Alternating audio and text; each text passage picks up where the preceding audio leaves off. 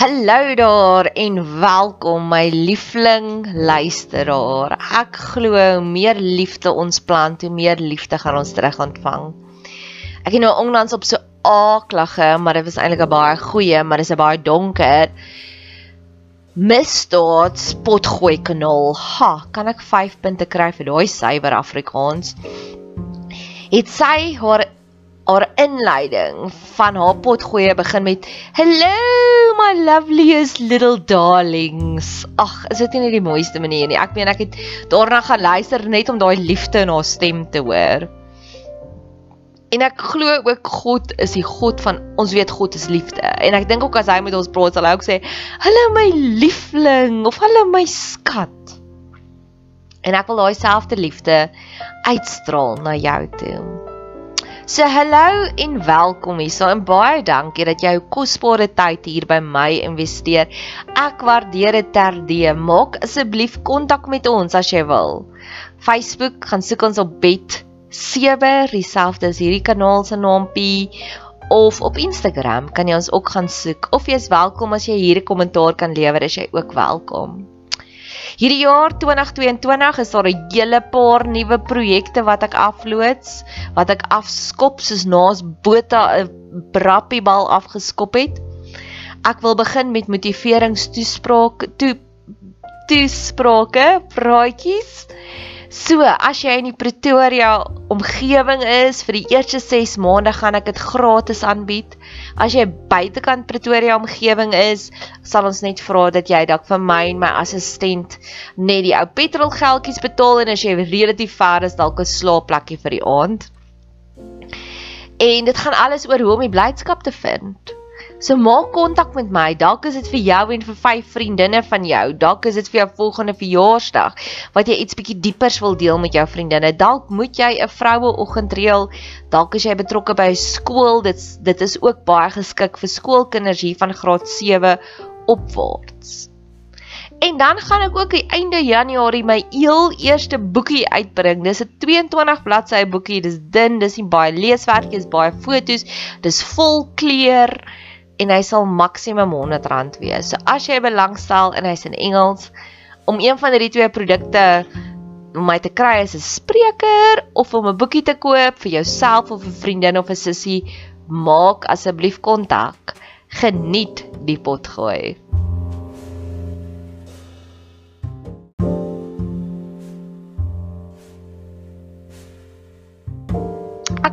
Wil ver oggend met jou gesels oor die energie wat ons uitstraal.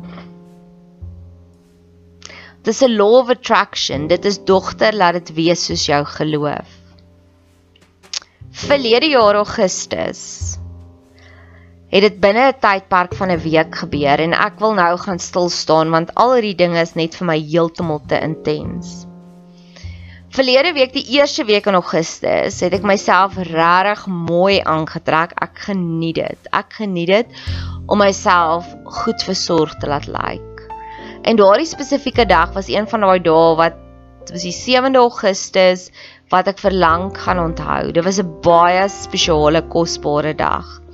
Ek het 'n kamp naweek gereël vir die mense vir wie ek die liefste is in hierdie wêreld en ons het gaan kamp. So ek het my inkopies gaan doen daai vorige dag. So ek het dit was my plan, dit was ek was die leier daarvan. Alles het uitgewerk. Dis lekker as jy iets reël vir iemand en almal koop in en almal wil deel wees. Dis vir my tipe tipe van goedkeuring en aanvaarding en liefde. Want mense sal jou net volg as hulle jou sien as 'n goeie leier. As hulle weet dit wat jy reël is gewoonlik goed. So ek het gaan inkopies doen en ek het regtig baie uitgesien. Dit was een van daai oomblikke van alles was net goed. Ek kan onthou my bank sake het goed gelyk. Wanneer jy met vakansie gaan en jy moet worry oor geld, dit was nie een van daai nie ek sou later daai oggend met een van my mentors gekuier het. So ek het myself baie mooi aangetrek, gaan die inkopies doen met 'n en ek's 'n baie gedetailleerde, beplande mens. Ek glo daarin ek kan meer balle juggle hoe beter ek beplan. Soos vandag op die kantlyn het ek vanoggend baie vroeg opgestaan om vir iemand na wie ek kyk met hartjies in my oë 'n lang brief te skryf om tussendeur die hele dag vir hom 'n kort boodskapie nou en dan deur te stuur Wanneer ek uitbeplan is, is my lewe vir my lekkerder. So dit was een van daai oomblikke van dit was uitbeplan. Ek het die inkopies lysie geskryf aisle vir aisle. So dit was nie 'n de mekaar inkopies lys en ek het begin by die chippies en toe by die kasies en toe by die vars groente en toe by die vleis. En dit was alles was net mooi uitgewerk en ek het geloop en ek het mooi gelyk en ek het oogkontak gemaak met mense. Ek kon sien ek kry aandag en dit is my lekker want dan sal ek glimlag of ietsie nice sê vir iemand. Ek wil die een wees wat aan die einde van die dag jou dag beter gemaak het. En die man het van voor af gekom en hy het vir my gesê, "Jy, jy lyk na 'n oulike vrou en jy's so 'n mooi vrou en jy lyk ook so vriendelik." En ek sê, "Dankie." En hy het begin en hy sê, "Ja, mense kry nie meer vrouens wat net so dit uitstraal nie." En ek het gesê, "Dankie." En ek was so oop vir hierdie energie. En toe begin hy en ek het net my inkopies begin doen. So my my my trolly was baie leeg nog en hy het daar gestaan met 'n halfvol trolly met liksede. Peanut butter, ouma rusks. Nou ek's jammer as jy op die broodlyn lewe, gaan jy nie ouma rusks koop nie, jy gaan 'n brood koop wat ongesny is, die goedkoopste een. Dis stysel. Selfs grondpoetjie botter. Ek weet daar's baie proteïene daarin, maar jy kan eerder eiers koop. Maar in elk geval En toe was hy 'n bedelaar. Hy was een van daai professionele bedelaars. Afrikaanse blanke man wat my baie vies maak. Wat in die winkels rondloop en dan soek hy, hy soos 'n predator, soek hy 'n prooi. En hy wou gou dat ek my sy inkopies daar betaal. En my eerste reaksie is ek het nie kontant nie. Toe sê hy nee, maar kom loop saam, betaal met jou kaart dan kan jy verder inkopies doen. Ek sê vir hom, "Wat?" ek het net my trolly aangeskuif, maar ek was so ontsteld oor hierdie insident dat vir die res van die inkopies ek met niemand oogkontak gemaak nie. Ek wou met niemand vriendelik wees nie. Ek het my sprankel weggesteek. En die oomblik het by my gebly vir lank. En ek het met verskeie mense daar gepraat en baie mense sê ja, dalk is dit 'n energie wat jy uitstraal van dit gaan eintlik nou so goed en eintlik verdien ek dit nie. En die week daarna het ek en my vriendin by 'n ander koffiewinkel gaan eet. En ons is daai tipe vriendinne wat verskriklike diep filosofiese gesprekke het en ons val mekaar heeltyd in die rede want as sy iets sê voel ek o ek wil vir jou dit sê en dit en dat. So ons gesprek was ongelooflik lewendig. En die man by die tafel langs ons het heeltyd so omgekyk en geknik en dan weer aan weer aangegaan en dan het hy weer gepraat met die persoon wat bang gesit het, dan weer omgekyk en geknik en op 'n stadium toe ek en sy altyd op dieselfde asem oomblik asemhaal, jy weet is nee, ons wil net asemhaal om verder te praat, toe val hy in en hy begin toe nou hierdie verskriklike interessante gesprek met ons. Verskriklik interessant. En in daai stadium het ek geweet dat die energie het vir gedraai. Want ek het nie meer uitgestraal bedelaars bedelaars nie. Ek het uitgestraal serendipity. Geef vir my magic. En ek vind dit net hoe meer tyd ek in isolasie spandeer, soos hierdie tyd nou. Wanneer ek tyd rustig spandeer, dis dan wanneer daardie oomblikke van wowness manifesteer. Daardie oomblik van jy ontmoet iemand op die mees toevalligste plek. Ek het al mense ontmoet op die mees interessantste plekke en diep verhoudings gebou. Want jy straal 'n energie uit. En in dieselfde asem. So wanneer jy bietjie begin wonder wat gaan in jou lewe aan? Maak 'n inhoudsopgawe van wat is die oomblikke wat toevallig in jou lewe gebeur? Is dit 'n tydperk van baie boelies? Dan werk ons met jou. Dis waar lewensafrigter inkom, dis waar berading inkom. En hoekom ek hierdie twee stories vertel, die trigger daarvan was ek post my Instagram post, gaan soek my op op Wet Seber, maar ek skryf die stories lank vooruit. En in hierdie week het ek besef, o, ek post nou oor birds of a feather, maar ek weet die vorige week was ek getarget in 'n checkers. En toe dink ek, maar my vriendin, En dis die doel van van berading. Jou energie wat jy uitstraal is dit wat jy lok. As jy 'n oop wond het, bloei dit. As dit bloei en jy behandel dit nie word dit septies. As dit septies word, trek jy vliee nader. En ek dink baie van ons het oop emosionele wonde wat nooit behandel is nie. En dan trek ons die heeltyd vlee nader. Dis hoekom iemand wat gemolesteer is as 'n kind dan verskriklike negatiewe seksuele aandag uitstuur. En as jy dan gaan kyk dan sien die persoon daar vir krag of hierdie persoon is daar vir seksueel misbruik jy stuur iets uit of naderhand begin hulle die opereerder te word en hulle molesteer weer mense terug. Dis waar alle molestasies begin. Dis 'n onnatuurlike urge, maar dis 'n wond wat oop is.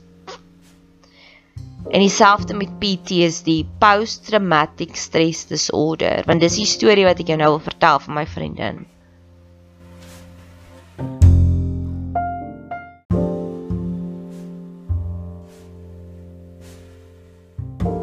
In 'n tydperk van 2 jaar was sy een keer getarget en iemand het haar bankkaart gesteel deur om die ATM te fop dat die kaart nie heeltemal ingaan nie en toe steel die persoon haar kar, ag haar bankkaart en sy sy's 'n Rambo. Sy hardloop agter die man aan en eventually het hy probeer wegkom en toe stamp hy nog haar kar ook. Nee, dit was 'n verskriklike situasie. Toe was daar werkers by hulle huis wat aggressief geraak het oor 'n belaglike betaling. Hulle het soos twee pypies vervang met DStv en terwyl hulle R5000 daai. Haar man was darm daar so, maar dit was 'n aaklige situasie. Toe was hy nou onlangs so 2 weke terug 'n slagoffer van padwoede waar 'n ou haar gevolg het en verskriklik te kere gegaan het. En die laaste ding was sonoggend toe kom ek agter, ek het baie lank, ek het 3 dae laas van haar gehoor en ons praat omtrent daagliks. En toe vind ek uit maar haar selfoon is gesteel in 'n winkel wat ons gereeld besoek en ons weet daardie winkel het probleme. Ons almal praat van hoe hou ons ons handsakke baie naby vas of ons vermy die winkel. En ek het vroeër in die week vir haar 'n lang boodskap gestuur om te sê ek dink regtig jy moet 'n beraader gaan sien. En dit gaan my verstand te bowe want ek het hierdie gesprek ook met iemand in die week gehad. Hoekom is ons so geneig om ander dinge te doen, maar ons los berading en emosionele genesing tot die heel laaste? Ek werk met 'n ander familie ook wat 'n verskriklike groot trauma deurwerk, massive. Die kinders is 7, 9 en 11 jaar oud. Mamma lê op sterwe met Alzheimer. Dis 'n verskriklike traumatiese ding.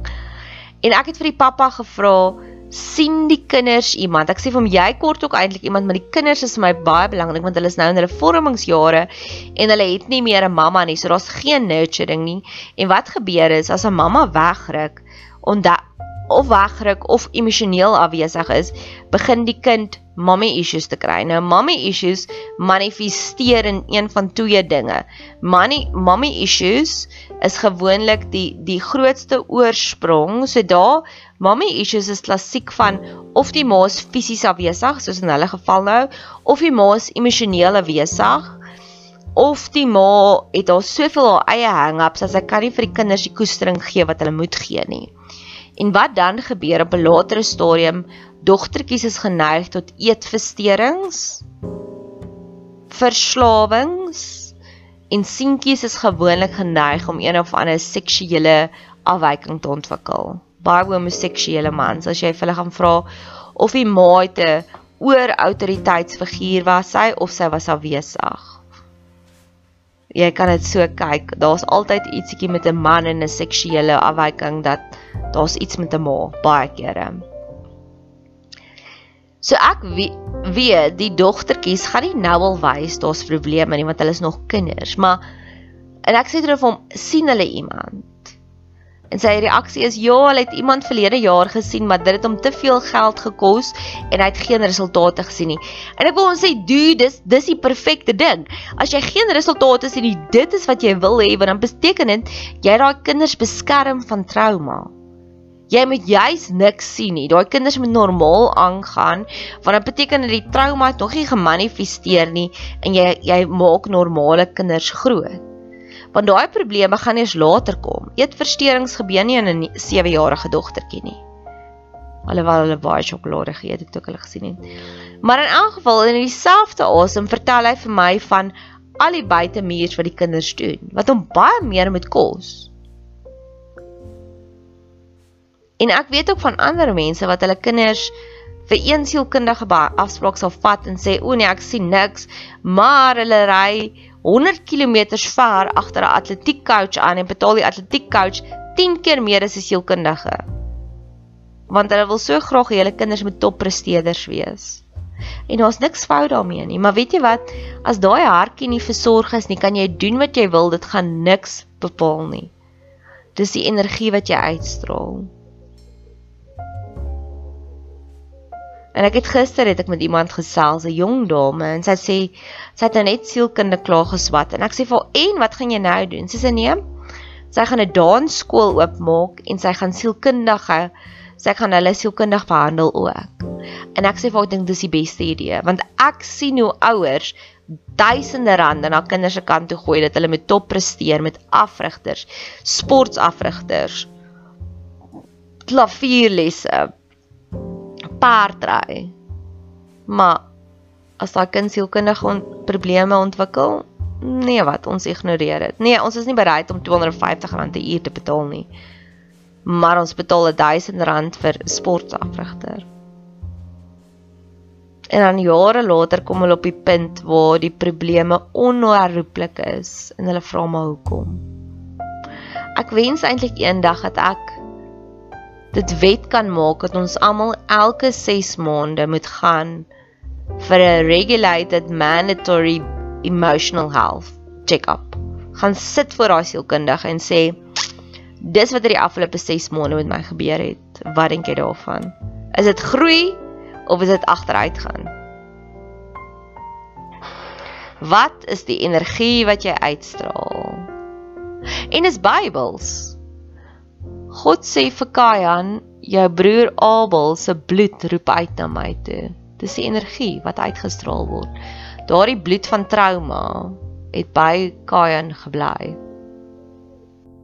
thank you